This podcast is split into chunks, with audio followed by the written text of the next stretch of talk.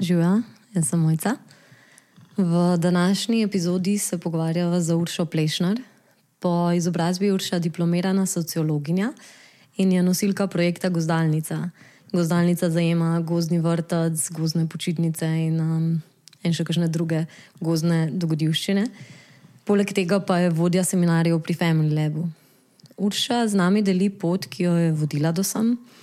Um, Povnej nam malo o tem, kako je gozdni vrtec izgledal na začetku in uh, o izzivih, ki so pripeljali do formiranja gozdnega vrtca, kakršnega vodi danes. In, in malo nam razsvetli, osvetli, kako gozdni vrtec pravzaprav izgleda. Ta skupina gozdnega vrtca, uh, ki jo ima, se starostno zelo razlikuje kar, kar, kar uh, nekako zbudi to medgeneracijsko učenje, kjer se mlajši učijo od starejših in obratno, starejši in mlajših nekako razvijajo ta čut za skrb in sočutje. Pogovarjajo se o tem, kako prosta igra v naravi vpliva na otroški razvoj, kako raznolikost gibov, kakršne v bistvu zahteva naravna površina in okoliščine, vpliva na razvoj možganov, na razvoj tistih centrov možganih, ki bodo kasneje um, odgovorni za logično mišljenje, za reševanje matematičnih enačb, za učenje jezikov. Pogovarjamo se tudi o tem, kako um, naravno okolje vpliva na naše telo in na žilčni sistem, in kakšno vlogo ima to pri učenju.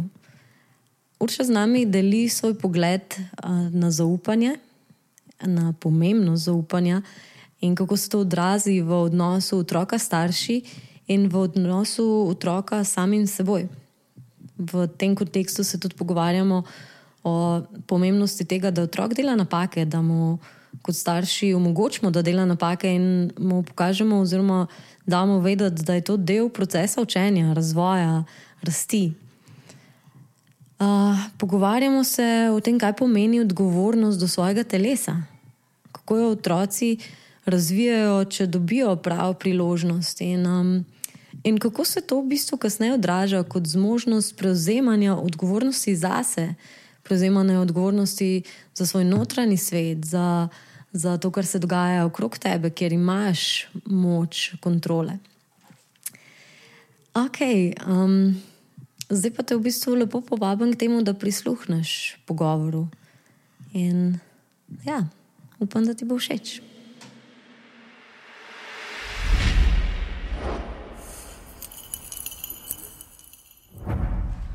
Živijo. Danes uh, ni samo med nami, ampak je med nami, imamo namreč gostjo Uršo Plesner. Plesner. Plešner. Plešner, Živijo. um, ja, kaj je uh, gozdna pedagoginja, te lahko tako, um, kako, bi se, kako bi si rekla? Um, kako bi se rekla? Uh, ja, nikoli se ne ukvarjam z izrazom, ampak um, če bi rekla, kaj delam, je v bistvu, da sem mentorica pač, ne vem, nekih svobodnih gozdnih otrok. Uh -huh, uh, ja, uh, povej, uh, Urša, kako, kako si prišla do tle? Kaj je bil tisti prelomni trenutek, ki te je mogoče, um, ki te je postavil na to, v ta občutek, da okay, to si jaz želim delati? Ker se mi zdi tako, um, saj iz moje izkušnje. Um, se nekako, ki smo vzgojeni v nekem sistemu, ne, ali pa pač v nekih, v nekih smernicah, in greš po tistem, in po, po pričakovanjih in željah okolice in staršev, ne, pa pa se v enem trenutku mogoče malo zaveš, da to ni čist tvoja pot. Ne vem, je bilo zate tudi tako, um, da je bil kakšen uh, trenutek, um, ki je spremenil pogled. Bil je sicer točno določen trenutek, ampak po mojem moram povedati zgodbo, če hoče kaj komu pomeniti. Uh, ampak mogoče šla najprej na to, no, kar se tiče sledenja sistemu in ustreznosti ustrezanja sistemu. Jaz sem tam po 12 letih, mi ni več pasal biti pridna punčka in slediti sistemu in ustrezati, in se mi zdelo, da moram biti upornica. Um, tako da meni odraščanje bolj to omogoča, da spuščam to uporništvo, pa rečem, ok, sledim sebi, ne, ne rabim se pa boriti proti zunanjem svetu. Um, je bilo pa tako, da sem v resnici to, da hočem delati z otroki, sem imel od nekdaj vse. Tudi, vem, moji starši so imeli vse, vse prijateljske družine so imeli mlajše otroke in kadar sem le zraven, ni imel noben od odraslih nobenega dela s temi otroki, ker so vsi sledili meni, jaz sem imela pač svoje račke skozi sabo. Um, in v bistvu tudi pol me je, kljub temu, da sem delala pač vse mogoče, šla vem, pač vse druge poti. Preden sem začela delati z otroki, sem recimo prodajala žarnice firmam, ki jih prodajajo naprej. In bila zelo v takem zelo kapitalističnem biznisu, ki mi ni sicer pasal, ampak um, sem bila zaposlena pri stricu in po eni strani mi je bilo čisto fajn. No. Um, Ampak skozi mi je bilo pa nekako, da jaz hočem delati z otroci, jaz hočem, ampak kje, kako, zakonodaja pri nas je tako nemogoča, ne, kar se tiče prostorov, ki jih rabaš. Hkrati je v bistvu, ne vem, če hočeš imeti neko tako redno varstvo, moraš ti delati 9-10 ur na dan sam in tako fulejnih takih stvari, ki nekako ne gre skupaj. No, ampak sem zanosila in si vzela tisto leto frej. Je nekako bilo meni skozi ja, otroke, otroke, otroke. Jaz hočem zdaj to delati naprej s svojim sinčkom. Um, nisem pa nič vedela, kako, kaj, dokler ni nekega dne. Po mojem, po mojem je bilo tam malo starejše, pol leta, um, je ena pač nova prijateljica, ki smo se spoznali v bistvu na tem nekem um, porodnem tečaju in smo si pol družili, povedala, da je rodila tam le prbeljaku v eni porodni hiši, ki ima zraven gozni vrtec. In me so šle sam kot sine po konc, to hočem. In od tistega trenutka je bilo samo to hočem, šla sem tja pogledat, pogovarjala sem se z mojimi, kako bi itak je tako mojemu se zdelo to, mislim, okay, zakaj bi si človek sploh tako odgovornost, pa tvaka tveganja dal nas, kaj, kaj, kaj če se komu kaj zgodi. Uh, itak prva leta zaslužiš nič, ne, si bolj v minusu. Uh, tako, pač cela okolica je bila pa dobro, pa kaj je s tabo, ne. Mene je bilo pa sem, ja, ja, ja, ja. mislim, sem tako, kljub dvomom, ne, sem točno vedela, to želim početi, to bom počela. In v bistvu sem totalni samouk, ker sem Nač, jaz sem obiskala ta gozni vrtec, pa pogledala sem si ogromno enih YouTube videov iz Skandinavije. Um, pa hkrati, no, kar sem pa imela podlage, pa mogoče to, da moj oče je bil pedagog, včasih učil gimnastiko, pa učil na srednji šoli in v bistvu tudi ful njegovih prijateljev je bilo, sicer večinoma športnih pedagogov, ampak cel življenje sem nekako malo razmišljala o teh odnosih, pa kako, ne vem, tudi ko sem bila v šoli, recimo, bilo, kako bi bilo lahko bolj, kako bi se dal drugače, da bi nam stvari razložili, ali kako bi lahko vse stvari drugače delali. To, to je bilo nekako v bistvu že cel življenje z mano. No? Tako da imela sem pač to podlago, hkrati pa nisem imela pojma, kaj se spuščam. In potem sem pa skupaj s tem svojim. Aha, no, pa, pa še to je bilo, da smo pa doma mogli eno drvarnico podrt. In sem jaz rekla, kaj če bi mi na mestu drvarnice naredili eno malo leseno hiško za gozni vrtec, živimo pa ne vem, 300 metrov od rožnika. Um, tako da smo pač pol to naredili. Ne? Sem začela s tremi otroki, starimi, mislim, da so bili od 13 do 15 mesecev. In itak je bil. Itak je bil dizaster, kar se tiče tega, da bomo imeli gozni vrtec in da bomo skozi zunaj, ker tako majčkanim otrokom je tako tisto občutek varnosti in vsega tega ful pomen. Tako da smo, aha, pa še, jaz sem nabavila še en tak. Um, voziček za drva, oče mi je naredil noter dve klopce in potem sem jaz njih naložila noter in smo šli tam po Rožni dolini. In hmalo sem ugotovila, da najbolj, da gremo sam na bližnji travnik, kjer sta vedno zraven dve luže. Uh, Pa še en brezdomce imel tam neko leseno hiško postavljeno, pa dva kužata, ki nas je imel fulred in tako mi smo pa prve dva, tri mesece sem tja hodili. Tako se je začel, pa je pa zdaj le zadnjih, koliko je zdaj, 11 let, v bistvu pa to vse zelo organsko rastel. No. Začela sem s to kmečkanimi otroci, potem so otroci. Vmes sem zelo nehala no, za eno leto, ker sem šla še na eno porodniško, moj sin je šel tudi v vrtec in pol ni z mano.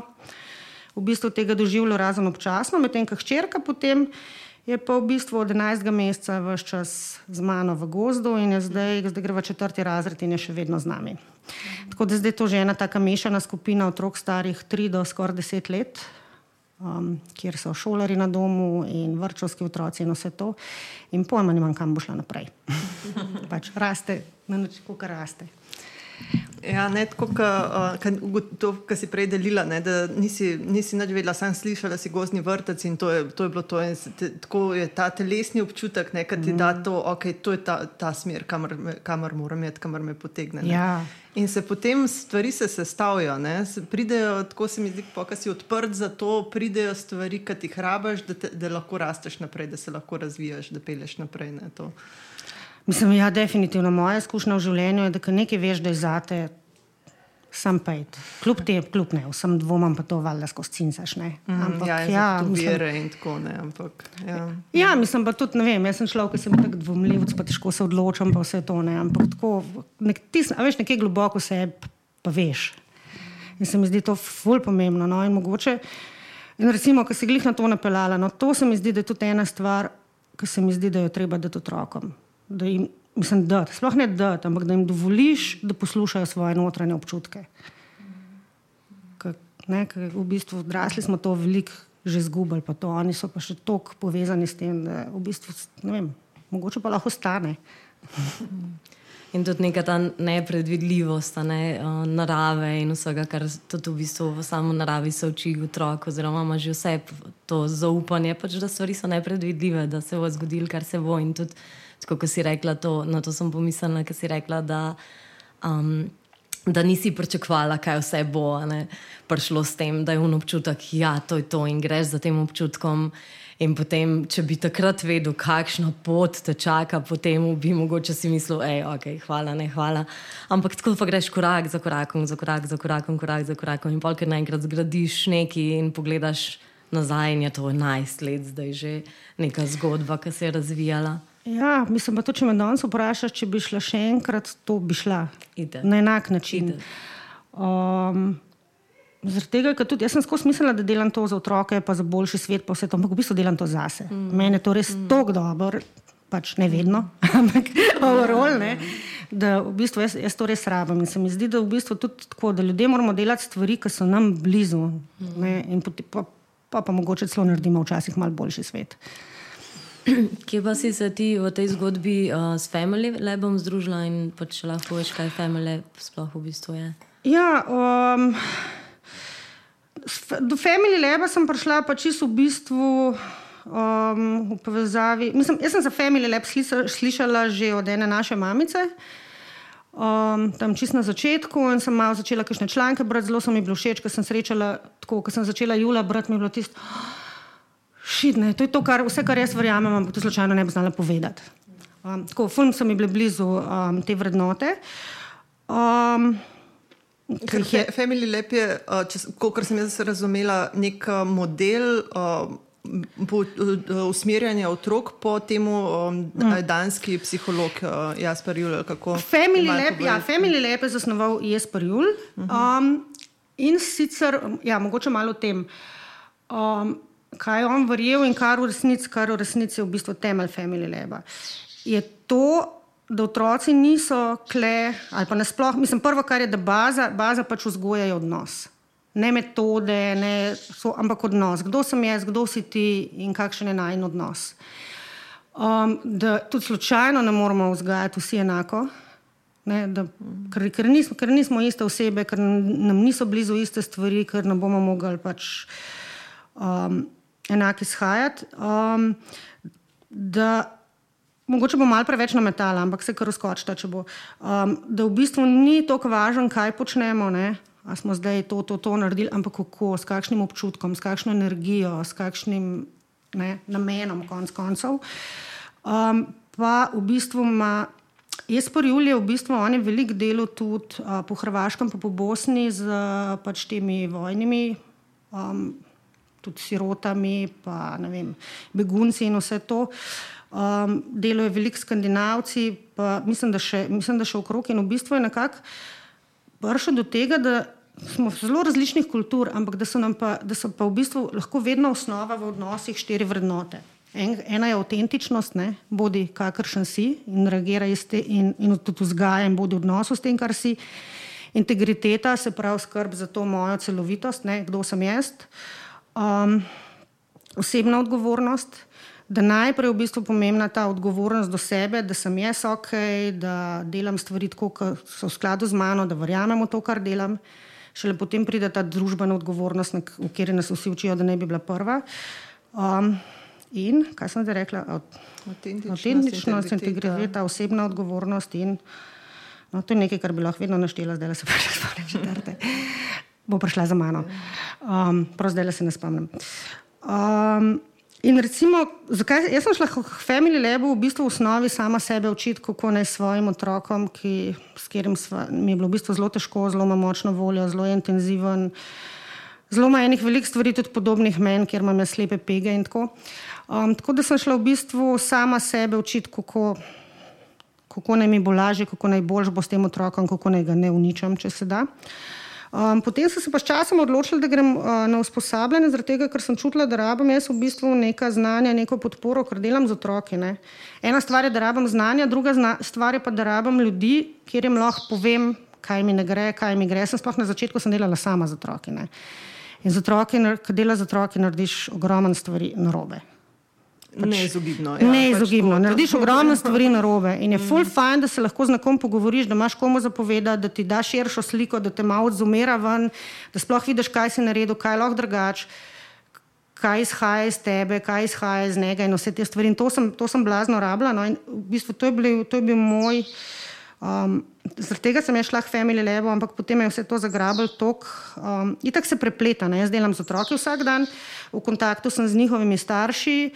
Um, Plus tega, da imam doma otroke in se tako vse to prepleta, da sem časoma začela, v bistvu mi je bilo fulo veselje, no pač tudi nekaj znanja in izkušnje predajati, ker v bistvu imam ta upogled, imam ne kako si doma z otroki, v pogled imam na to, kako otroci funkcionirajo v nekem sistemu, sistemu pač čeprav je malo drugačen, ne? in pol kakšne imajo dinamike starši, pa to je v bistvu ful dobro, ker se pogovarjam starši, lahko malo širšo sliko včasih mogoče pokažem.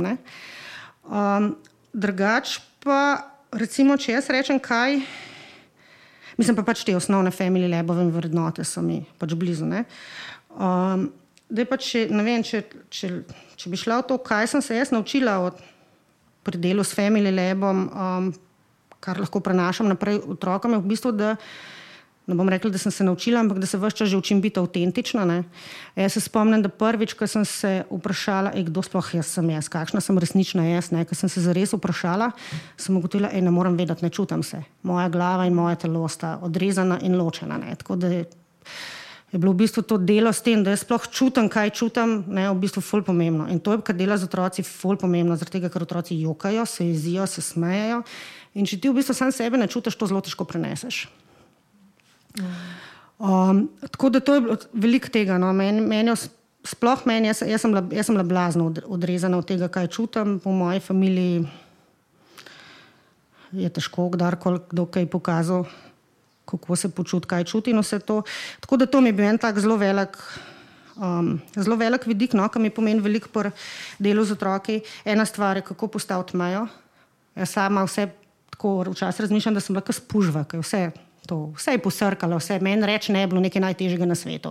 Pa sem za začetek dobila sina, tazga, ki me skozi pros, da mu rečem ne, res, ki preizkuša vse možne meje in to. Um, plus tega, da če dela skupino, ne, se moraš naučiti reči ne. In v bistvu za otroke je zelo, zelo pomembno, da jim ti znaš postaviti mejo, da oni vejo, kdo si, kaj si, kaj hočeš, kaj nočeš, pa kje so oni. Ne.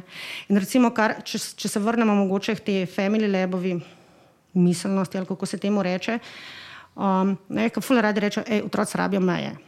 Ne. To ne pomeni, da otroci rabijo meje, da moramo jim vsi povedati, da ne smejo tja čez. To, to pomeni, da otroci rabijo tvojo osebno mejo. Ej, kje si ti zdaj, dokaj grem lahko pri tebi, pa dokaj grem lahko pri tebi, pa dokaj grem lahko pri očiju, pa dokaj grem lahko tam. Ne? In v bistvu rabijo meje na ta način, da, ja, da, sme, da vejo, da ne smejo gaziti po ljudeh, da mor, um, pa, da ve, pa v bistvu ti s svojim, s tem, kar otroka v bistvu mislim, ki ga umijiš, kar rečeš, ne tega pa nočem. Mu pokažeš to s konc koncev, kdo si ti. Um, In obratno, ne, pokažeš mu, da je kul, cool, da rečeš ne, ker ti nekaj ok, ne, ker ne vem, ker babica hoče ti na vsak, dan, na vsak način dati lupčka, ne, da, da, lahko, da tudi njemu dovoliš, da reče, ne, nočem. Ja, res so te meje bolj osebne meje, ne pa da meje postavljaš drugemu, otroku. Ja. Tako, in v, bistvu, v skladu s to osebno odgovornostjo, ki si prej govorila, ne? kako za, za se poskrbeti, kje, kje, je tvoj, kje je tvoj prostor, kaj dovoliš tukaj mm. noter, pa kaj ne. In tega se otroci najbolj učijo z gledom. Tako da če mi, starši ali pa vzgojitelji, ne, imamo to ozaveščeno, tako pač, kot si ti to lepo svojo um, zdaj uh, razložila. Ne? Na ta način jim lahko to predamo, ne pa da jih bomo učili, ja, reč ne, ti, če, ti no, če nočeš, da ti babica da lupčka ali pa nekaj. Ne. Če ti tega ne delaš. Ja, ne. In hkrati je še ena zelo pomembna stvar, ker mi se pol začnemo, sploh ko imamo tiste majčke na otroke, ki so fuluškani in vse bi jim radi dali in vse bi radi prav naredili. Ne. In pa ugotovimo, da nam ne gre. Ne? Vse te stvari, recimo tudi postavljanje mej, ali pa vem, grejenje samospoštovanja, ali pa iskanje, vem, iskanje kdo res je, sem, vse to lahko počneš skupaj z otrokom. In se učiš, In tudi otrok vidi, da okay, je prej ni šlo, zdaj pa gre. In, in je v bistvu to tudi full fun zgled, ni zdaj, da mi rabimo pa zdaj vse znati. Ne. V bistvu celo življenje se učimo in ne vem. Ja, na, na ta način v bistvu tudi otroku pokažeš, kako je skozi konflikte, ne? kako je skozi pač neke stvari, ki ne grejo gladko, kako, jih- kako zno, vedno znova probavati, pa iskati druge načine. Mm. Ja. Ja. Um, Family Lab meni še vedno ni čisto jasno. Je to v Sloveniji tako kot neka skupnost ali je, mislim, vem, da imaš ti webinarje, um, Ja. pa da imate predavanja skupaj z Sabino. Sabino, ja. Um, ja, Family Lab je v bistvu v Sloveniji um, je organiziran pod Zavodom Manami. Um, to je v bistvu zavod, ki ima licenco v Sloveniji, da lahko organizira um, Family Labove seminarje, se pravi te stvari, ki jih pač Family Lab uči, um, da lahko izobražuje. Se pravi, če hočeš ti delati prek Family Laba, izvajati seminarje, moraš iti na osnovno usposabljanje, ki naj bi bilo sicer organizirano na, dva, tri, na dve, tri leta, ampak zadnje čase je skoraj vsako leto. Um, Dolžen si vsako leto se udeležiti supervizije, kar pomeni, da v bistvu tam malo predebatiraš, kaj ti gre, kaj ti ne gre. Um, pa pač pol so neke, imamo neke, um, neke članarine in tako imamo, imamo še različne variante. Ali lahko delaš sam, ali moraš prav v okviru Family Lab ali karkoli. Ampak vsekakor pač predajati ta znanja pod imenom Family Lab, moraš biti del organizacije. In v bistvu je Family Lab asociacija, ne, ne vem, tako po pol Evrope že recimo, mislim, da, mislim, da tudi nekje v Južni Ameriki, da je že ena izpostava. pa Tako, no. um, in v bistvu je res temelji na teh Jesperjulovih znanjih in vrednotah. Ne vem, če sem dobro povedala. Mm. Kako bi pa rekla te štiri vrednote, ki si naštela od Family Laba, temeljne? Kako bi rekla, da se mogoče v gozdnem vrtu, oziroma v gozdu, v gozdnih šolah to izraža? A lahko jaz eno, samo eno vprašanje pred tem, to, da mačka naredimo podlago, tudi kaj je ta gozdna, uh, Ja. go, gozdni prostor, kjer se učite. ne? Kako, ker mogoče marsikdo si to sploh ne predstavlja, kako Ja. ja. se ti zdi z, z otroki cel dan v gozdu. Ne? Pa mogoče lahko pol navežeš naprej na to, kar je mojca vprašala. Uh -huh. Jaz bi tudi, ker si prej omenila gozdno pedagogiko, ne, jaz v resnici nikoli nisem prav zelo poglabljala v to, kaj ta izraz pomeni. Enkrat pred časom so me gozdarji upozorili, da to lahko samo gozdarji izvajajo, ki so pol tudi pedagogi, ampak zdaj se uporablja tudi v vrtcih in posod. Ampak nisem, nisem, nisem se to nikoli poglabljala. Um, jaz v bistvu bolj temu rada rečem naravno učenje. Se pravi, učenje, ki izhaja iz te naše lastne narave, s katero smo prišli v svet. Ne. In v bistvu mi tako. Fajn primer mi je, vem, kako so recimo mladi mucki. Ne. Oni se tam se igrajo, tepejo, mama jih vsake tok časa in malo kaj zateži, drugače jih pa pusti po primeru in lahko pač vso svojo. Mislim, in, in se ne sprašuje, ali jih bom dobro vzgojila, ali bom um, jim predala vse, kar je treba, to, ampak pač v njih je to, ne, da se bojo naučili vsega, kar se, kar se rabijo za, um, za mače življenje. Um, od svoje mame, od svojih bratov in sestrc, pa od okolja, v katerem so. Ne. Seveda je divji maček popolnoma drugačen kot maček, ki ga imaš ti doma v bloku ali pa doma na vrtu ali karkoli. Ampak to se mi zdi, no, da smo malo pozabili na to, da se mi v bistvu pridemo na svet s to naravno silo, ki, ki nas žene k temu, da se mi naučimo, kar rabimo v tem življenju. Seveda je človeški svet malo bolj kompleksen, ne? pa se rabiš različne stvari naučiti, ne? ampak vse. Pa v nas je to, da, učimo, da, se, da se učimo, da se raziskujemo in vse to. In In recimo, ko smo mi v gozdu, ne, sploh s temi najmlajšimi, ne, zdaj so to okay, tri leta, včasih so bili še mlajši, jaz vidim sebe kot nekoga, ki jih pripelje tja, jim nudi varnost, jim da neke te osnovne ogrodja, ogrodje, kaj lahko, pa kaj ne, zato da bojo, da bojo ok, da bojo varni. Da jim, vem, da jih spomnim, da morajo vmes kdaj jesti, ker pozabijo. Drugače pa moja naloga, jaz vidim predvsem da jih opazujem, pa da jim pustim, da oni raziskujejo, kaj bi radi, kaj jih zanima, kaj hočejo početi. Ker ti, itak, če gledaš ti predšolskega otroka, ti niso nikoli primer. Oni skozi nekaj počnejo, skozi se gibajo, skozi jih nekaj zanima, vsak dan se naučijo 500 novih stvari. Ne. V njih je tudi ta, jaz hočem več, jaz hočem še ne. In tudi tako, ki jih gledaš. Ki jih gledaš tako, recimo, v različnih obdobjih življenja, kaj počnejo, ne, mislim, tega odraščanja, Um, počnejo zelo podobne stvari. Ne? Recimo dveletnike, ki gledaš, ok, dobro. Poleg tega, da se ful gibajo, ne? njih začne ful tale mikromotorika, pa to ne ful iščejo te lukance, kam bojo kaj dal, kako kaj prijetno mečka, no vse tak recimo. Um, kar se mi zdi, in, in se te otroci v bistvu naučijo zelo podobne stvari, kot se jih naučijo otroci v vrtu. Kar je razlika, je to, da se jih ne rabi naučiti vsi naenkrat. Ne? Da sledimo, a veš. Recimo to, ali bo otrok shodil pred desetih mesecih ali pred dvanajstih, se večinoma eni se, ampak večinoma se niti ne sprašujemo. Vemo, da bo shodil, to ima vse, to bo. Um, Polka se začnejo pa kakšne take malce bolj kompleksne stvari, pa kar naenkrat nehamo zaupati v to, da bo otrok vem, razvil tole svojo motoriko, ful in miselnost, sploh to ne, a, bomo, a se bo otrok naučil vse, kar se rabi. In en voluškan primer mi je enkrat, ko so me povabili v, v en vrtec na sestank starši in potem je lahko. Um, imela vzgojiteljca, oni so bili takrat skupina, mislim, da dve do tri leta in je bila finomotorika njihov tisti pač letni plan, na katerem najbolj delajo. Ne? In je potem povedala, kaj vse, kaj, vse, kaj vse so počeli. In potem je bilo meni tako zelo zanimivo slišati, so rekli: Evo, naše so počeli vse to, samo niso risali vem, na podlagi Mozartove muske ali pa kaj, ampak so ptičke zraven poslušali.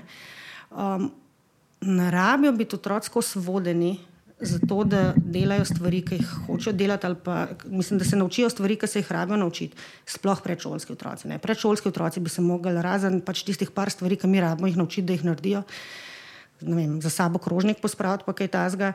Um, v bistvu ne rabijo, da jih nekaj tako učimo, v smislu tega, da jih poučujemo. Ker oni tako srkajo, oni srkajo pač od narave, od prijateljev. To je spet ena stvar, je tudi ta starostno mešana skupina. Ne, mi smo se pač v neki fazi odločili, da bodo pa skupaj otroci stari eno leto, pa dve leti, pa tri leta, ampak to čisto ne naravno. Ne?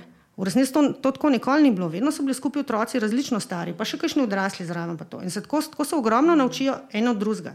Tam mali v teh velikih, ki jih opazujejo, ki ponavljajo za njimi in ki jim je tudi čisto drugače, nekdo eno, dve, tri leta starejši od tebe, ti je to tako dosegljivo, to bom pa jaz zmogel.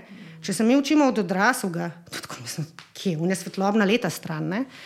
Um, in večji od majhnih tudi, ne, da je treba poskrbeti, da jim treba pomagati. In, in to ni treba na silo, oni to sami naredijo. Ker, okay, če mi nekam gremo ne vem, na en izlet in oni tri letniki tam nekje zaostajajo, valjda jim moramo pomagati, zato da bomo prišli tja, kar hočemo. Um, in tako no, se mi zdi, vse se tako, vse se tako naravno zgodi, vse kar se more. Ne. To je, to je v bistvu biologija človeka, vse veliko teh stvari, fina motorika, hoja, vse to, to, pač, to so refleksi, kot uh, povzročijo razvoj teh stvari. To ni nekaj, kar moramo ja, mi jim dati, ta prave igrače, ja. da bodo to uh, ja. zgruntali. Na nek način jim ti bolj držiš prostor, da se ta naravna inteligenca sam izrazi skozi njih, pa v bistvu tudi skozi to skupnost, ki je, ki si rekla, mešana. V resnici se po naravi pač začnejo posnemati in pridejo tisti vzgibi, da poskrbimo. Dejansko ni neki. Ne? Se v bistvu, yeah. Ja. Če pogledamo včasih, ko so, ne vem, otroci bili z, z starši na polju ali pa kakorkoli, pač, pa z ostalimi otroci. V bistvu se to so počela. Ne? V resnici so osvojili vse, kar so potrebovali za življenje. Takrat pa smo jih pa kar na eni točki ločili, dalo en zaprt prostor in zdaj pa bomo mi jih naučili po točkah. To je metoda, kako jih bomo naučili. To nekaj, ja. kar v resnici se oni tako spontano naučijo in v bistvu tako bolj sproščeno in skozi igro naučijo, ker imajo vse to inteligenco, ne, tako neko seme, ki bo itak zraslo v, v tisto, kar potrebuje. Ja, ne more, da ne. ne. ne more, da ne. Um, bi pa mogoče reči, kot si motoriko omenila. Ne? Bi še omenila, da je pač zdaj nek gost ali pa skale ob morju ali pa ne vem karkoli. Tudi kar se motoričnega razvoja tiče, pa popolnoma drugačen, kot pa neka otroška igrišča ali pa mestne ulice ali pa karkoli. Zaradi tega Ne, raven zaradi svoje nepredvidljivosti, um, neuniformnosti, ne, ti nikoli ne veš, o stopu na korenino, kaj te tam čaka, malo je treba gor, malo je treba dol, tvoji možgani se morajo non-stop prilagajati. In meni je zelo odbito videti posledice, kaj se zgodi, če otroci tega sploh nimajo. Dele, mam, recimo, en primer sem spoznala za, za en vrtec mednarodni, sem nekaj časa tudi gozne urice vodila. Je bila punčka, tri leta stara iz Hongkonga, če se sprav spomnim z vele mesta, pač tako ni nikoli, mislim, tako dve, tri ure vožnje do narave.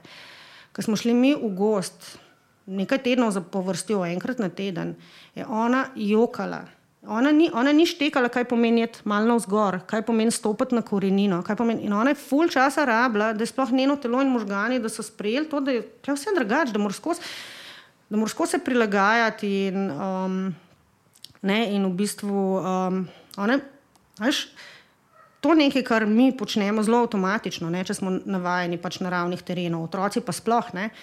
Um, je nekomu, ki nikoli ni bil na takem terenu. Ne, pri treh letih, ki se zelo hitro prilagajaš nekomu, tako ful velik napor. Miselni, čustveni, veš, in, in v bistvu telesni. Je tako, mislim, to je tako prav grozljivo videti, no, kaj naredi to, da nimaš ti stika z, neko, z nekimi naravnimi okolji. Bilo zanimivo videti, kaj, na kaj pol to nanese, ne kasneje. Um, v bistvu pa je pravzaprav tudi ta um, motoričen razvoj, ki ga imajo otroci v resnici ful pomemben za razvoj možganov. Uh -huh. Ful pomemben, mislim, tako kot bi razmišljal, ok, pač ga bom učil matematiko, zato da bo kasneje matematiko, ampak v resnici so isti centri, ki bojo odgovorni za to, da bo on matematične um, enačbe reševal, razvijajo skozi gibanje, ne, kot otroku. V bistvu je to tudi ful zanimivo v kontekstu gozda, ker je toliko manj nadzorovano okolje, toliko manj kontrolirano okolje, pa toliko um, toliko več različnih načinov in principov gibanja je v bistvu prisotnih v takih okoljih. Ja. Veš, fule, fule, v bistvu tako, po eni strani, vem, jaz sem veliko govorila o gozdu, zaradi tega, ker sem največ tam, ampak kjer okolje naravno okolje. Po eni strani je ful izzivo, ful enih uh, tega v smislu tega, koliko je nepredvidljivo, neravno in vse to. Možgani imajo ful dela, ne, meni tako, um, meni ful, tako, jaz imam prav izraz, da ko ti otroke peleš, ne vem, gost, recimo se igrati, imajo sinapse žurne, to se skozi vse dogaja, klele noter. Um, hkrati ne, je pa to okolje, ki pomerja ki nima vseh teh, veš, koliko imamo danes. Pismo, sam po cesti se voziš, meni, meni tako včasih, ko se ja. opazujem pismo, koliko reklam preberem. Ja. Koliko enih ljudi vidim, koliko, ali pa ne vem, če grem vem, tri tedne zdaj, ko smo bili na Jadrnici, jaz pridem nazaj v mesto, meni je to tako utrujajoče naj, najprej. Ja, ja. Samo zvok avtomobila, vse to. Ja, ful. Ker drugače se tako navadimo, se mi zdi na to, da niti ne opazimo več. Ne? Ja. V tem kontrastu ja. pa vidiš. Ja, in tako po eni strani je ful izzival, okay, zdaj, ena stvar je to, naravno okolje, ne, pa kako se vse spremenja. Druga stvar je, če si ti kle z drugimi otroci, to je spet toliko enih izzivov, odzivanja, frustracij, ne, malo se skregajo, eni bi počeli eno, drugi bi to kako se zdaj uskladiti vse to. Um, ampak po tretji strani pa tako, pa pomiri. Pa da ti tisti nekako te vrne, tako te nekako vase v telo. To, mm. zdaj, če gremo nazaj na učenje, ne, človek se pa v bistvu tako najbolj uči, ki je v stanju tako sproščene pozornosti. Mm. In to se mi zdi, da jim da pač ta gost, mislim pač narava sama po sebi, pa to, da imajo oni tam res ogromno časa. Da, da, počne, da, da lahko tudi ne počnejo nič, konc koncev. Pa da se lahko malo umaknejo. Grejo. Recimo, meni je fulj zanimivo opazovati. Skoraj vsi otroci tam nekje do ene petega leta, recimo v gozdu, obstaja trenutek dneva, enim je to pet minut, enim je pol ure, eno uro, ko se umaknejo, ko so sami. Ko vrsto so skozi skupine. In eni rabijo več, eni manj. In prav vidiš, in jaz sem se od njih naučila, da, začne, da sem jaz začela to delati. Ker čutim napetost, ker čutim, da mi je preveč, ne, da se umaknem in pridem čez deset minut nazaj drug človek. In tako sva dve, ne pa.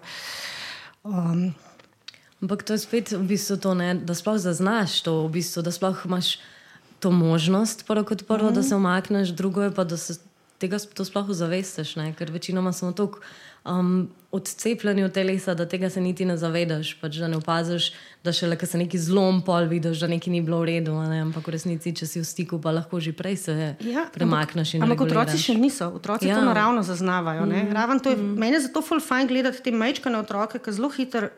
Tako vidiš, kaj nam je naravno, no? kaj, mm, kaj je v nas, tako, ja. po mojem, odnegdaj. Mm, mm. Ja, jaz imam um, eno uh, tako anegdoto uh, z mojim sinom, ki mi živimo pač, uh, v naravi in pa vsake toliko pridemo kle v Ljubljano. In pač tam pri nas ni igrišč, ni, tako, ni tega živžavanja. In pa vedno smo prišli samo v Ljubljano in smo šli na otroška igrišča, ker tega pač doma ni, nima ne? in se mi je zdelo, da okay, to moramo omogočiti na nek način. Ne? Ampak sem videla, koga je to, koga je vznemirjalo to in sploh vznemirjalo so ga igrače od drugih, nekaj pač ta pisano in zanimivo in drugačno. Ne? In je vedno hotel se igrati, je, vedno se je šel na igrišče ne toliko zaradi igrišča samega, ampak zaradi igrač drugih otrok. Ne? in pa je to, mislim, tako je prišel čist razvran um, nazaj domov in tudi težko mu je bilo oditi z pol od igrišča, ne, in ful je bilo enih takih konfliktov in frustracij. In pa sem enkrat, na mestu, da bi šla na igrišče, sem rekla, da je se meni mal ni dal, ker meni bilo tudi tako, da dosti tega živžava in sem rabila sem tako se malo spočiti, pa da se bi on tako, bi, oziroma ne, bolje bilo tako, jaz sem si ful želela iti na sprehod, pa sem rekla, noč, boš, boš že šel, bomo videli, kaj bo. Mm. In so se ustavila nekje v enem, v enem gozdu, v enem potočku in so šla tam mal na sprehod in že takoj, ko so v gost stopile, je bilo um, skajatko kako je lepo klene. Mislim, on se je tako izrazil. Prvo rekel, kako je lepo klene. In pa prijava do tega potočka in se čist razveselil. Tako pač prav obraz se mu je čist spremenil ne? in rekel, jo, kako sem ga pogrešal. Pa prvič smo bila tam. Ne?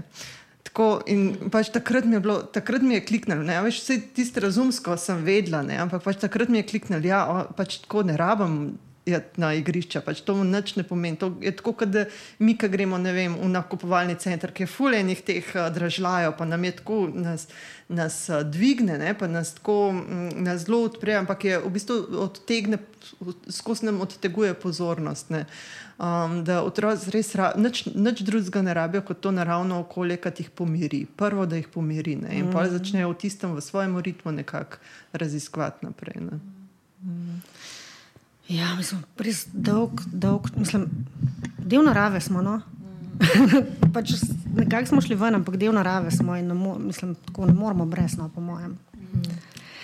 Uh, drugač, pa, mogoče sem to, kar si še voda omenila. No? Tako, a veš, kaj gledaš, tako, kaj so naravne fascinacije otrok.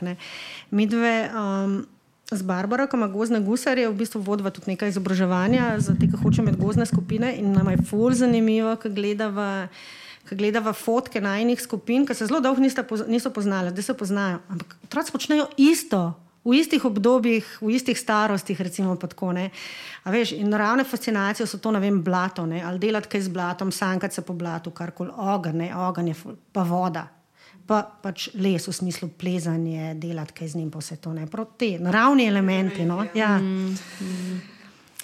Um, veš, kaj sem hodila, mogoče nismo nič tako nekako um, konkretno sploh zamejile v smislu za nekoga, ki ne ve, kaj gozni vrtec je ja. v bistvu. Um, da, da, ja, v bistvu, ne, zdaj smo končno prišli do začetka.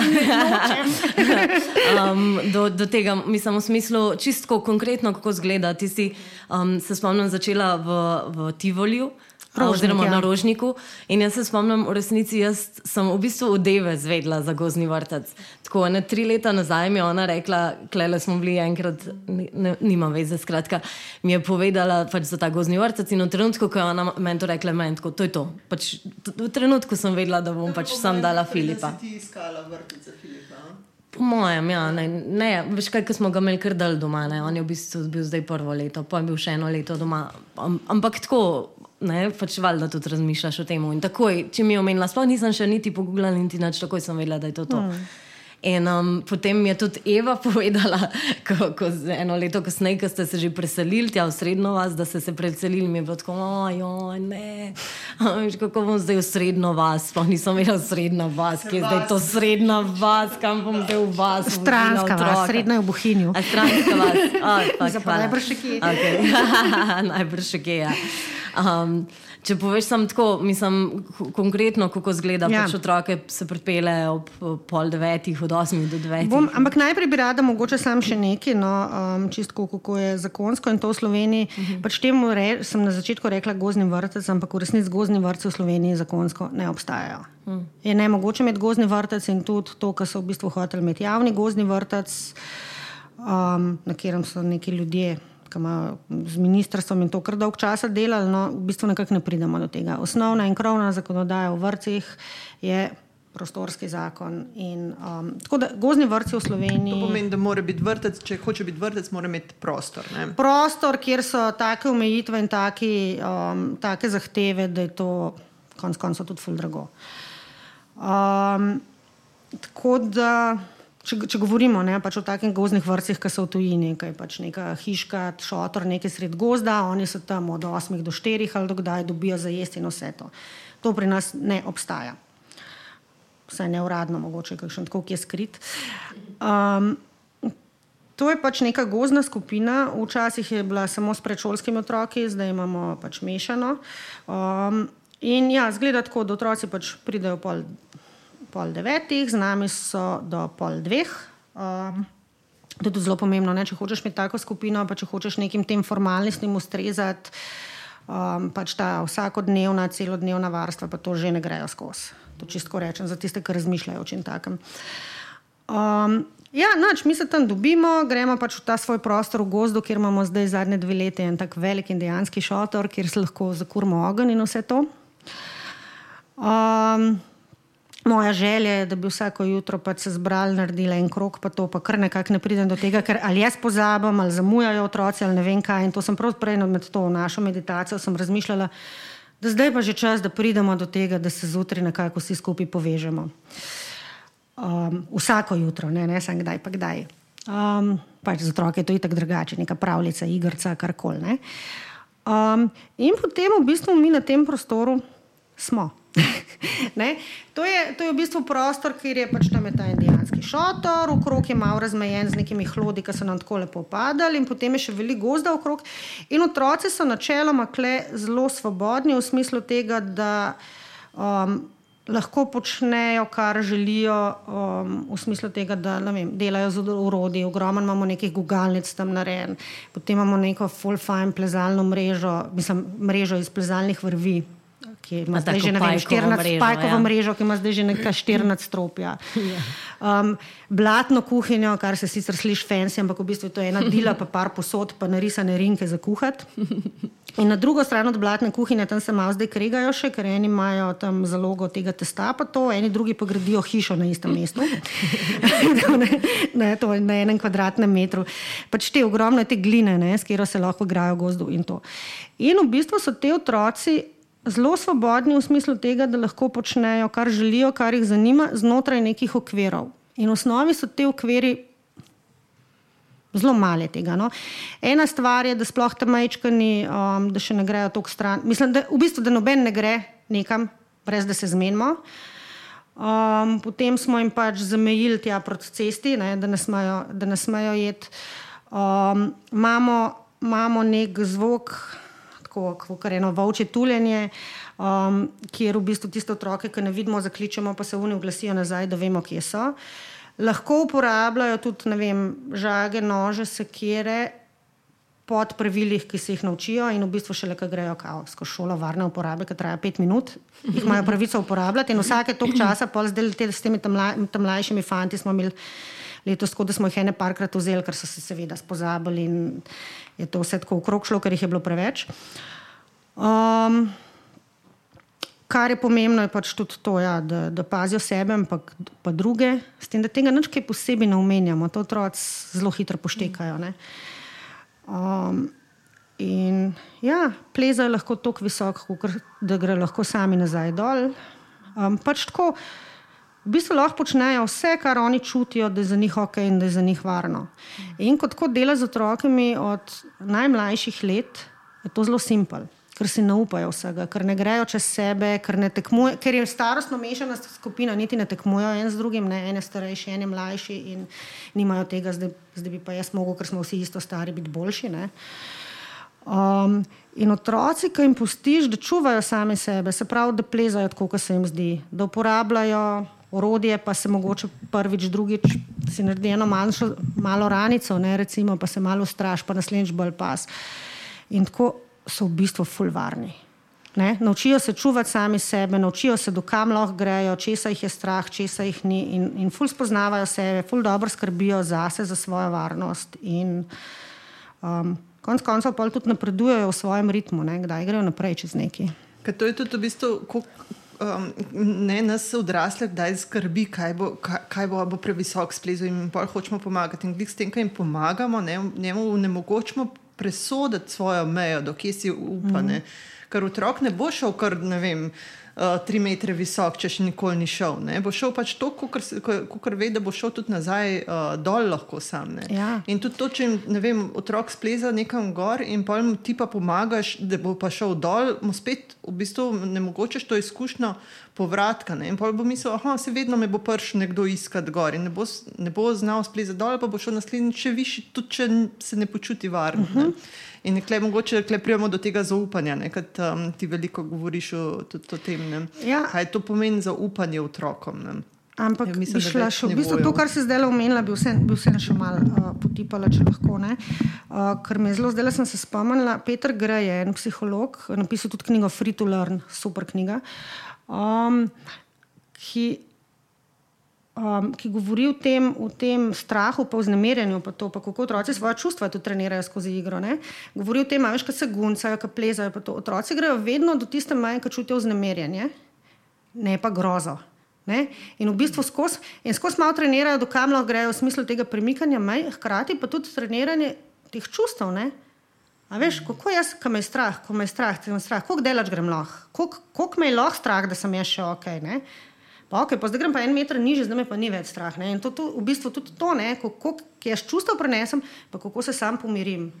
To je recimo tudi en tak ful pomemben vidik. Um, kako biti s strahom. Ne? Ja, s strahom, z žalostjo, z ja, jezo, ja, z vsem. Ja, sploh, ja. um, in recimo to so, to so delali poskuse na sesalcih, pa to ne. In sesalci, ki se niso igrali z drugimi. Ne? Uh, mladiči pa to so v bistvu ponavadi razvili čustveno zelo tako, take, ali, ali anksioznosti, ali pretirane agresivnosti, ali kar koli. V bistvu vsa ta igra, igra je res namenjena temu, da se otrok nauči skoraj vsega, kar se rabno v tistem nekem obdobju. Ne? Ja. ja. Ja, sem, mogoče sem to sem se spomnila, ne, da um, ko sem, sem skajo pustila ne, te stvari, ne, kar se govori, da kje čuti vznemirjenje, pa kje je grozno. V bistvu sem to tudi jaz sama pri sebi lahko spremljala. Mm -hmm. In tako, kot se je on reguliral, sem se tudi jaz rabila regulirati, zato da nisem posegala v njegov proces. Ne? In se mi zdi, da lahko tudi starši na isti način, tako, uh, kot ti zdaj razlagaš, ne, kako, kako to funkcionira. Ne? Lahko tudi starši sami pri sebi opazujejo svoje reakcije. Ne? Dokje si še ok, dokje je mogoče lahko presodiš, da tudi če bo padel ali pa nekaj ne bo nič groznega, pa ga pustiš še mal dal in tako nekako treniraš tudi to svoje zaupanje, da mu pustiš mal več. Ne? Ja, nekaj je težko, ko otroci v bistvu vedno zmorejo majhen več, kot se nam zdi, zaradi tega, ker naslednji dan zmorejo že ful več, kot so včeraj, sploh majhni. In konec koncev, ker smo bili velikrat vzgajani, spazi, ne moreš. Ne? Um, in ja, mogoče me to naveže prav na ta zaupanje. Um, to, da zaupamo otrokom, um, je v bistvu en tak zelo pomemben stebr tega, da, lahko, da je lahko on sproščen in da se lahko v bistvu naravno uči to, kar se hoče. Um, ampak zaupanje pomeni, to ne pomeni, mislim, se pravi. Zaupanje pomeni, da bo naredil vse prav, pa vse tako, kot mi hočemo. Um, ampak zaupanje za me pomeni ena stvar, je, da zaupaš v to silo, ki ga vleče k temu, da se razvija, da je v njemu in da ga pele v pravo pot in da, in da jo čuti, da lahko sledi temu. Ne? Se ne ve, kaj počne. Uh, in druga, da otrok v bistvu želi stvari narediti dobro, pa prav.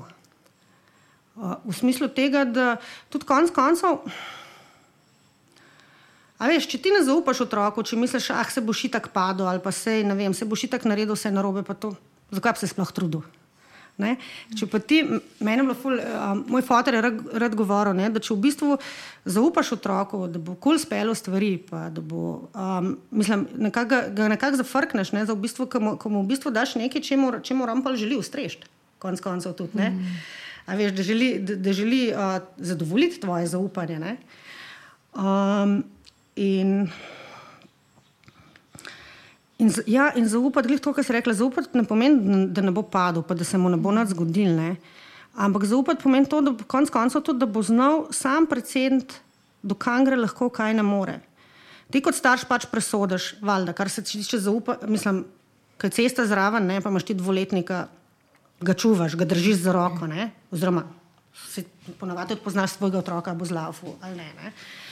Um, Kad dvoletnik prime sekiro, če veš, da jo ni še nikoli, pa če ga ne znaš naučiti, tudi ne, ne pomeni, da mu, ne pomeni, da mu vse pustiš. Ne? Ampak pomeni, da zaupaš, da večino časa bo pa lahko presodil, kaj je ok in kaj ne, in da tudi če bo padel, da ne bo nič groznega. Um, In recimo, raven to je, kadar ne zaupamo in kadar ne se strah, ka, pazi, padu boš, veš, pa, ali pa tako, kade, ne, ali pa, um, ko prekinjamo otroke, ne, otroke ponavadi zelo fokusira na to, kar dela. In ponavadi zelo zaupa temu, kar dela. In potem prideš ti od zunaj, mislim, z mojim sinom je bilo to fully evidentno, pro vsake stvari. In od zunaj prideš in rečeš, ne vem, pazi ali pa ne vem, nekaj tako, v bistvu ful prekinaš njegovo pozornost. In takrat se zelo velikrat kaj zgodi.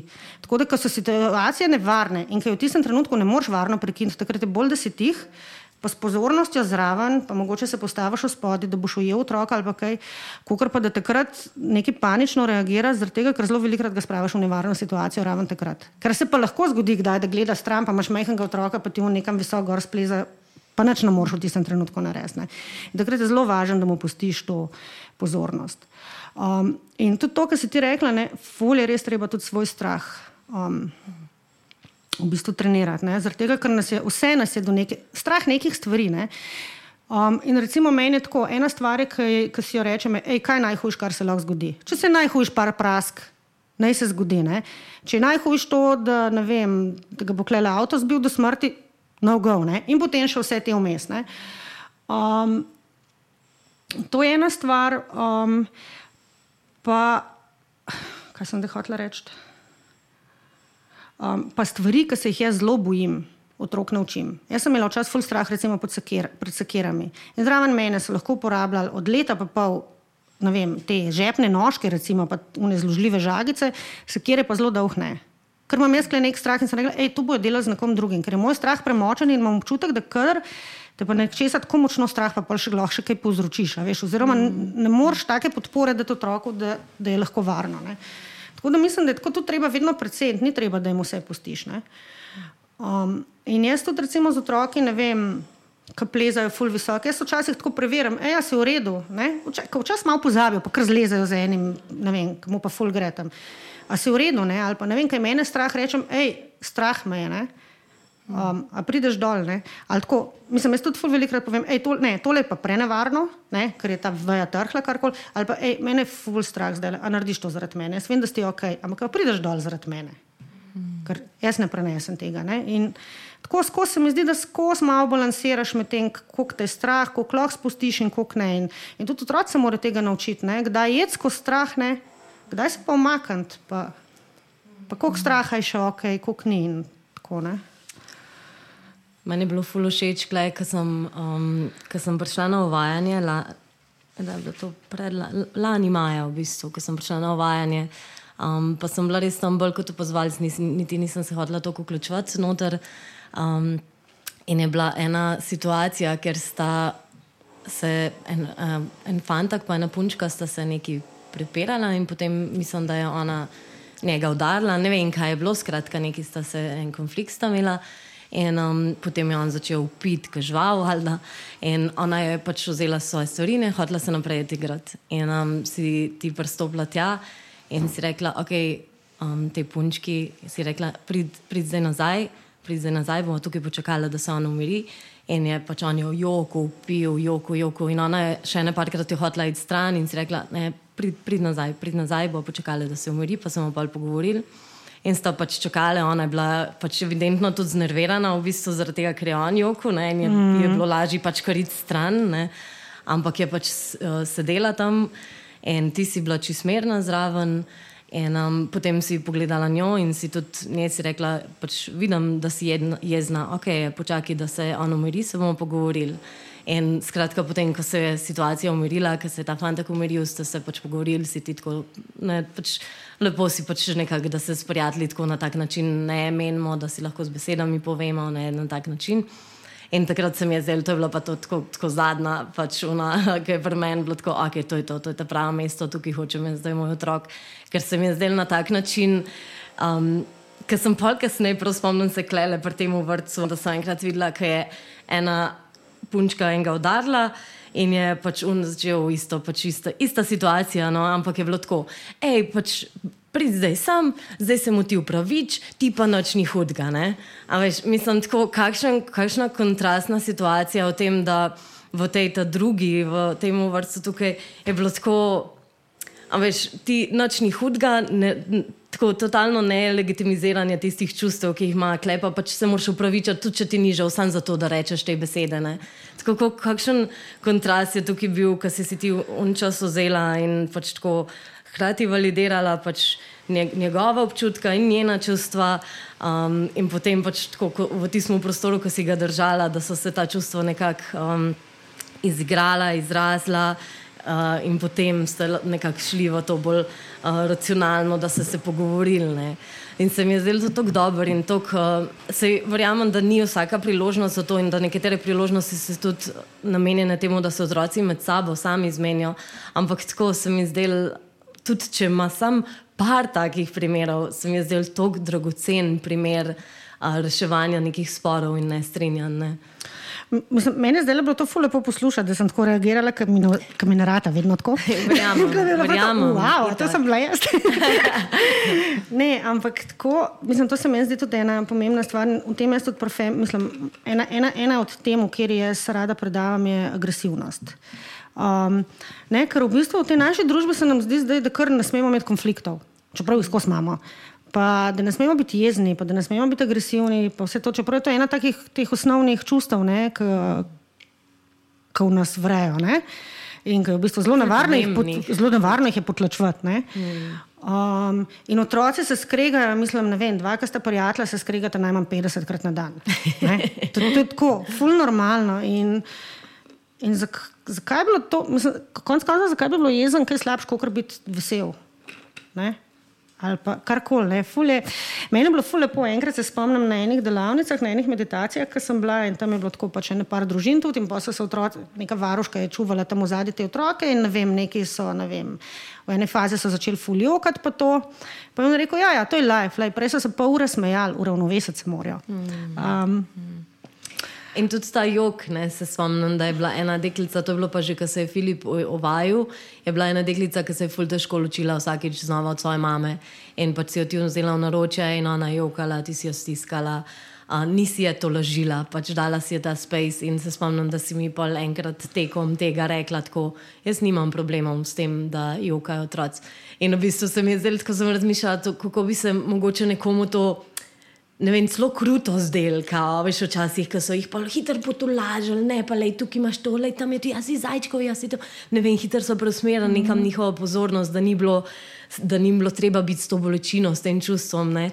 V resnici, koliko jim pa podariš s tem, da jim dovoliš čutiti to čustvo, pa da jim dovoliš ga izraziti, pa jim dovoliš, da se ta energija premakne, ker v resnici je to, nisem tako zdravilno, da tudi s tem rasteš, da lahko mm -hmm. čutiš, da si zmožen. Ja, ampak treba pa zdaj vedeti, sploh za kakšne mlade mamice. To, no. Jaz to lahko delam zaradi tega, ker sem šla jaz čez ta proces. Jaz tudi nisem prenesla mojega, mojega fanta, po enem letu, večino časa je bil vesel, pa to, pa, pa ki je joko, ki je bil. Ne, jezo sem lažje prenašala, predvsem tisto žalost, pa se to je bilo meni ful težko. Ne, ker tudi jaz svoje nisem in ker tudi pri meni je bilo vedno ja. potlačeno dol. In, in, in je to proces, jaz, jaz lahko prenesem približno toliko žalosti od otroka, kot prenesem svoje. In to je full mm. fajn se zavedati, da je to pač, čustvi, ja, da je to pač ja. proces, ki traja. In da če je nekaj, ja, s čimer ja. imamo full težavo in česar ne znamo čutiti, mm. ne, um, da to ne bo zdaj čez noč drugače. Ja, proces, ja, moj starejši otrok je star 12 let. Recimo, da sem jaz začela s temi močnimi čustvi, ko ima zelo močna, jaz pa tudi. Mm. uh, pa reakcije so, so ukvarjene 12 let, resno, redno, mm. na vsakodnevni ravni. Um, in ja, no. Ja, proces je praksa, ja. je tudi osebnostnega um, razvoja ne, in, in svojega, da prideš ja, v stik. In kar pa otroci spet. delajo, ne, je pa to, da v bistvu oni pa skozi, oni, se, oni pa reagirajo ponovadi na to, kar je v nas, ne, na to, kar mi govorimo. Ne, in v bistvu skozi bezajo te stvari ven, ne, eni bolj kot drugi. Ampak, um, na nek način taka, mislim, je pač ta priložnost, da si s tistimi čustvi, s katerimi dejansko mm. si odrezal, nimaš stika, Aj, nimaš ja. načina, kako biti z njimi, ti je težko biti z njimi. Ampak je težko, ne? v bistvu je ful težko, ker direktno tiste ti bo težko, ker te najbolj boli, ker ti je naj, največja kriza v bistvu. Um. Ful težko je. Ampak meni se zdi, da ena stvar je, da smo generacija, ki zdaj to lahko, ker se prvič o tem sploh pogovarjamo. Ne? Prvič je v bistvu nek čas in prostor, sploh zato prej v večini družin je bilo pač dej. Tih bod, pridem bod, naredimo to. Mislim, a veš, zatrta so bila čustva pač to. Generacije in generacije, vse, kar se meni zdi. Druga stvar, ki bi pa spet rekla, je narava. V naravi to se fulaži. Ne? Če greš, če otrok, če otrok se petanje jezen v naravi, prva stvar je, ki se v bloku te hitro skrbijo sosedi. Um, druga stvar je, da tam lahko, znu, lahko fizično v bistvu da ven, ne? lahko se premakne, lahko gre plezati, lahko laufa, lahko udari drevo, karkoli, lahko se znuri, pa še narava ga pomerja. Tako da v bistvu tudi pri tem, recimo, tako velikrat pridejo otroci tako iz vrca, recimo, tako čist napeti, tečni, vse je narobe, um, tudi, tudi iz kul vrca lahko. um, in Ne, veš, preveč stvari so jim nabrali, prevečkrat so nekomu rekli, ja, preveč, preveč stvari je bilo.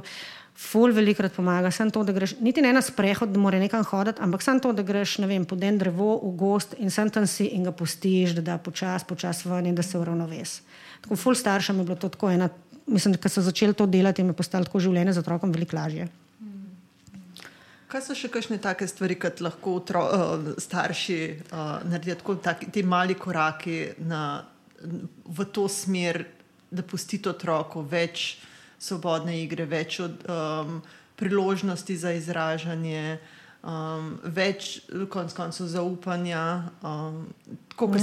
si, si zdaj že omenila, to, kaj so kakšne take stvari, kot mogoče otrok hodi v vrtec ne, in pač je, je situacija takšna, kot je, si ne more, ne vem, nima priložnosti jeti v uh, v tvojo skupino. um, ampak uh, kaj je mogoče so te mali korake, ki jih lahko v družini v popodanskem času, čez vikende. Starši delajo. Pa brez, pa tukaj bi jaz tudi rekla, no, tako res, um, kar si že prej omenila, ne za starše. Ne si zdaj zadati cilja, ne, da bo če, v enem tednu te osvojilo vse to, ne, ampak je to dolg proces, lahko traja tudi uh, leta. Ne. Pa ni linearno, ne, pa ne, spet enkrat ne. Um, recimo, ena stvar, ki se mi zdi fully pomembna, je, da, tako, da probamo malo počasniti ta naša življenja. Um, ravno včeraj smo imeli eno srečanje, um, ki je glih ena mamica razlagala, kako, vem, kako vsak vikend pa nekaj met, pa moramo zdaj nekaj narediti, pa poletje je pa tako, pa ful da ti družini, pa tem otrokom če več tega, da bojo zadovoljni in da se bo dogajalo. In potem je bil en vikend se održ in so ostali doma in ugotovila. Šice, to pa tudi rabimo, da zadihamo. In ko ste bili otroka, kul, cool, ker ni bilo skozi treba nekam imeti. Ne. Ena stvar je, da ful hitimo skozi to življenje in se mi zdi, da res dobro zaveščati. Se nam velikrat narata, valjda, tudi mi smo tu skozi enih projektih, idejah, tako, ampak tako zaveščati, ej, dajmo, dajmo ponastaviti life, pa dajmo se upočasniti. Um, druga stvar, ki je meni zelo blizu, je pač je to narava. Um, Narab biti to sprehod dolg, ne vem, tri ure, um, lahko se, ne vem, Meni men je tako, ne vem, vzameš še od prijatelja otroke ali pa kar celo družino, greš vem, pod prvo drevo, po možnosti če zraven še potoček in se usedeš dol, ti se pogovarjaš s prijateljem in postiš otroke, da delajo kar jim paše. In pa z enim mučom sem spremljal, če sta še živa in zdrava in to je to. Um, v smislu tega, da mi pa tudi, ko gremo v naravo, gremo, mi moramo iti na sprehod, mi moramo priti do vrha rožnika, moramo priti, otroci tega ne rabijo. Otroci otroc veliko raje to, da se oni igrajo, pa skačajo tam ali pa sam sedijo nekje primer, pa se pogovarjajo, kar koli tudi začutijo, ne, kaj ti skar rabijo. In se zelo velikrat ne da. Ne. Mlajši in sploh ne, starejši se že malo tako oddajo v sodo, ampak tudi jim ni to do tega ponavadi. Rabijo nekaj met, kjer lahko so, pa potem počnejo stvari, ki jih počnejo. Um, pa to v bistvu, da jim v bistvu nekako, da jim damo mer. um, mene najbolj, najbolj všeč definicija igre je, kaj, to, kaj ne bi bila otroška definicija igre. Otroška definicija igre je v bistvu, da, uh, da počnem to, uh, kar počnem takrat, ko mi vsi stali nehajo govoriti, kaj, kaj, kaj naj bi. Da sem slabo povedal. um, Ko mi vsi stali pustijo primer in delam pač to, kar čem. Ne. In to lahko pomeni, da sedim klele, pa tole punčko, s tole punčko se igram, ali pa da po, to, po potoku z enim prskom čufutam, ali pa da počnem ful različnih stvari. In tega časa, no, ki se lahko začutijo, ki se lahko umirijo, tako imajo otroci premalo.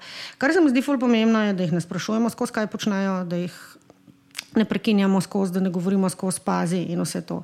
In se mi zdi, to se mi zdi tudi tako, en tako fajn trenutek in priložnost za starše, ker lahko res ali si vzameš prijateljico s sabo, ne? ali pa vem, partnerja, pa malo govori z njim, če ima otrok še kakšnega prijatelja s sabo. Ali si pa vzameš eno knjigo, pa se usedeš pod drevo, pa končno prebereš tiste tri strani, ki jih nisi uspel že full časa. Ne? Um, in to so v bistvu sanje vsakega starša, ne, da bi imel več časa za sebe, da si tako zakompliciramo mm. uh, življenje. Pa hočemo skozi tudi ta čas, sploh če je otrok v vrtu, pa, pa starš v službi, ne pa imaš pol ta popoldanski čas, ki ga hočeš čim bolj koristno preživeti z otrokom. In pa greš pač ja, na vse nore izlete in ne vem, kakšne zabaviščne parke in vse to.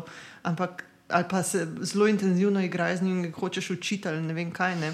Ampak to ni, to ni nujno koristno preživeti čas ne, z otrokom. Je dosti bolj to, da otroka pustiš, da dela svoje in da ti samo ali ga opazuješ ali pa delaš svoje stvari ne, in ohranjaš to povezano z njim. Pravno je zanimivo, kako med tem spoznaš svojega otroka. Ja. Veš, kaj vidiš, kaj ja. on počne, če ga ti ne vodiš. Je pa, je pa nekaj.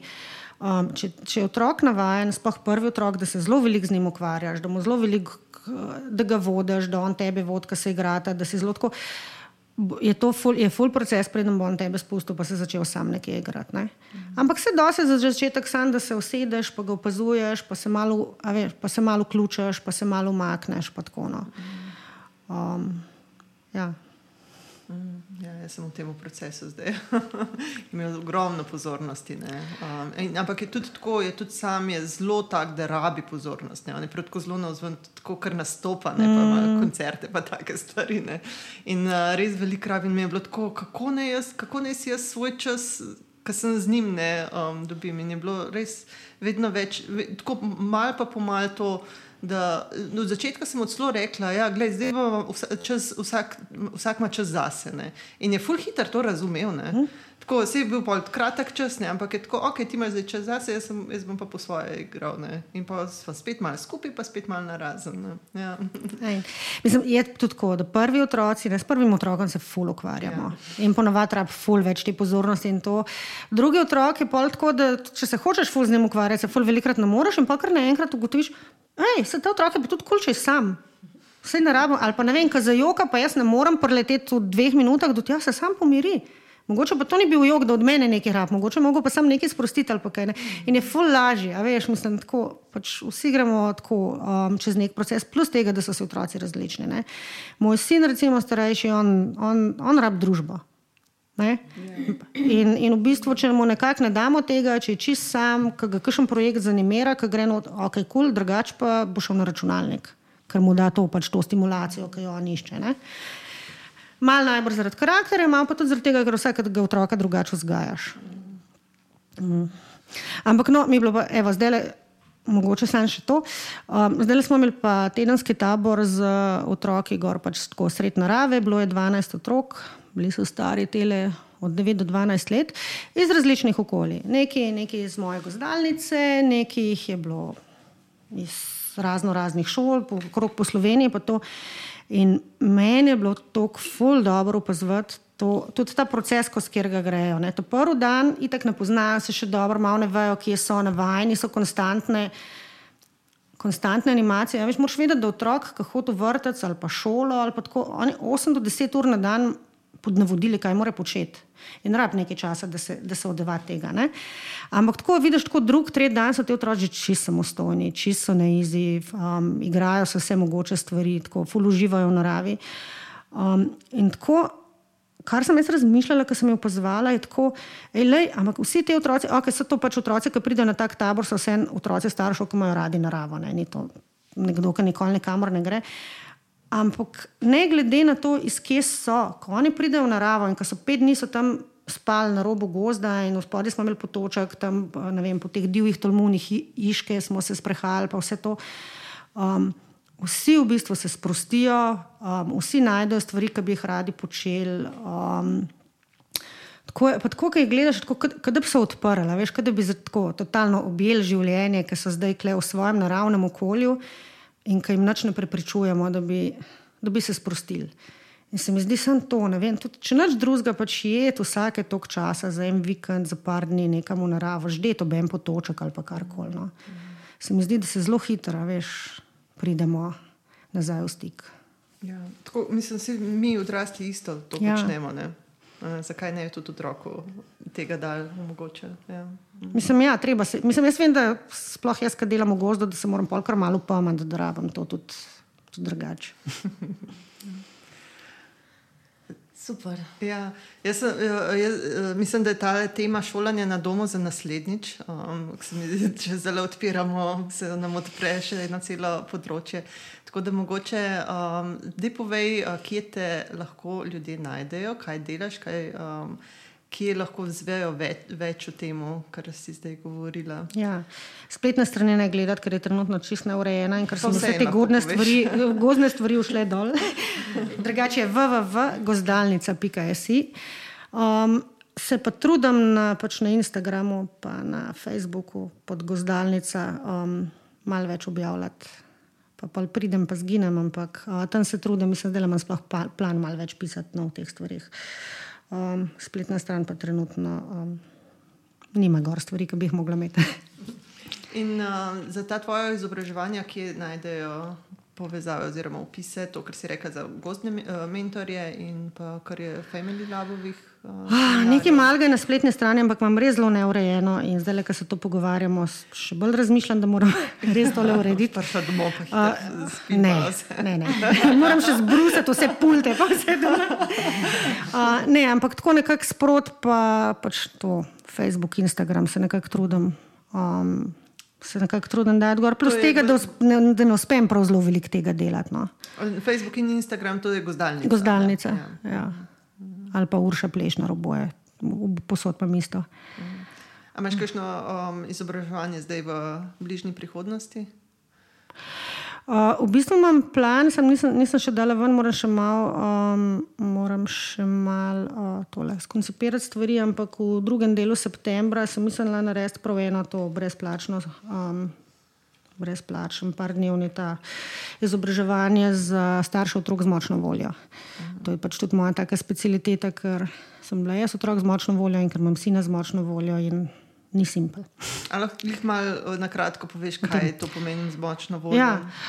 Um, jaz pa Julij je sicer avtonomni otroci pomenoval, ampak to pa noben ne razume prav dobro. Um, to so otroci, ki ne vem, če jih tako opišemo, tako, že, že kot dojenčki so velikrat um, tako zelo nedojenčkasti. Tako malo bolj izdelano telo, kot um, imajo ponavadi dojenčki, pogled velikrat, kar že direkt v oči zelo mal, ker dojenčki so zelo dolgo. Um, Na razen gledajo. Um, zelo hitro ugotoviš, da ti že s telesom, ne vem, pred dveh, treh mesecih kaže, kaj hoče. Na sin je bil tako. Uh, uh, uh, delo in smo ga pelali gledati, kar je hotel, ker sploh ni bilo dvoma, kaj hoče. Um, potem se um, pač to obdobje, ki reče, ne vem, kaj nekateri bolj to obdobje trme, obdobje postavljene zase, se začne včasih malo prej, mogoče že par leto, pa pol, pa ne konča se. Traja. V bistvu je tako, da imaš od leta pa pol dveh let doma najstnika. No? Ja, mene zdaj prav zanima, kaj bo z mojim sinom, ki je star 12 let. Sicer vidim spremembe že malo. Malo se drugače obnaša, pa, drugače pa bom videla, kaj bo naprej. Ampak tako si težko predstavljam v tem uporu, pa to še kakšne večje razlike. Uh, Um, ne, to, to so recimo otroci, ki bojo najprej rekli ne. In če boš ti pač malo počakal, bojo vse mogoče lahko razmislili in ti dal pol počasi ta ja. Um, so otroci, ki so po večinoma um, tudi zelo občutljivi, zelo senzibilni, zelo hitro čustveno prizadeti in v resnici je velikrat ta ne in upor in vse bom po svoje povezan tudi s tem, da zaščitijo to svojo ranljivost, kar ne znajo v tem svetu. Um, In v bistvu, kar je pa tako nekako, kar, kar starše v bistvu najbolj tako, no, um, in kravžlja živce, je pa to, da ne moreš ni šans, da delaš z njimi po kakšnih pedagoških idejah, metodah, pa to, ker čim ti nekaj hočeš tam pedagogizirati in uporabiti nekaj, kar ne bi se, kar ne bi se delal z otroki, dobiš tako odboj, da ne moreš nič. Ne? Um, in, in čustveno so ponovadi zelo, zelo intenzivni, no? zelo, zelo lahko naporno. Nekateri od teh otrok je tudi tako, da um, da velikrat, sploh ko so mlajši, da zavračajo telesni stik. Tako velikrat imaš občutek, da si slab starš ali pa da te ta otrok sploh nima prav zelo rad. Velikrat je tako. Um, pa pa mogoče, da ne bom zdaj sam problemov dala.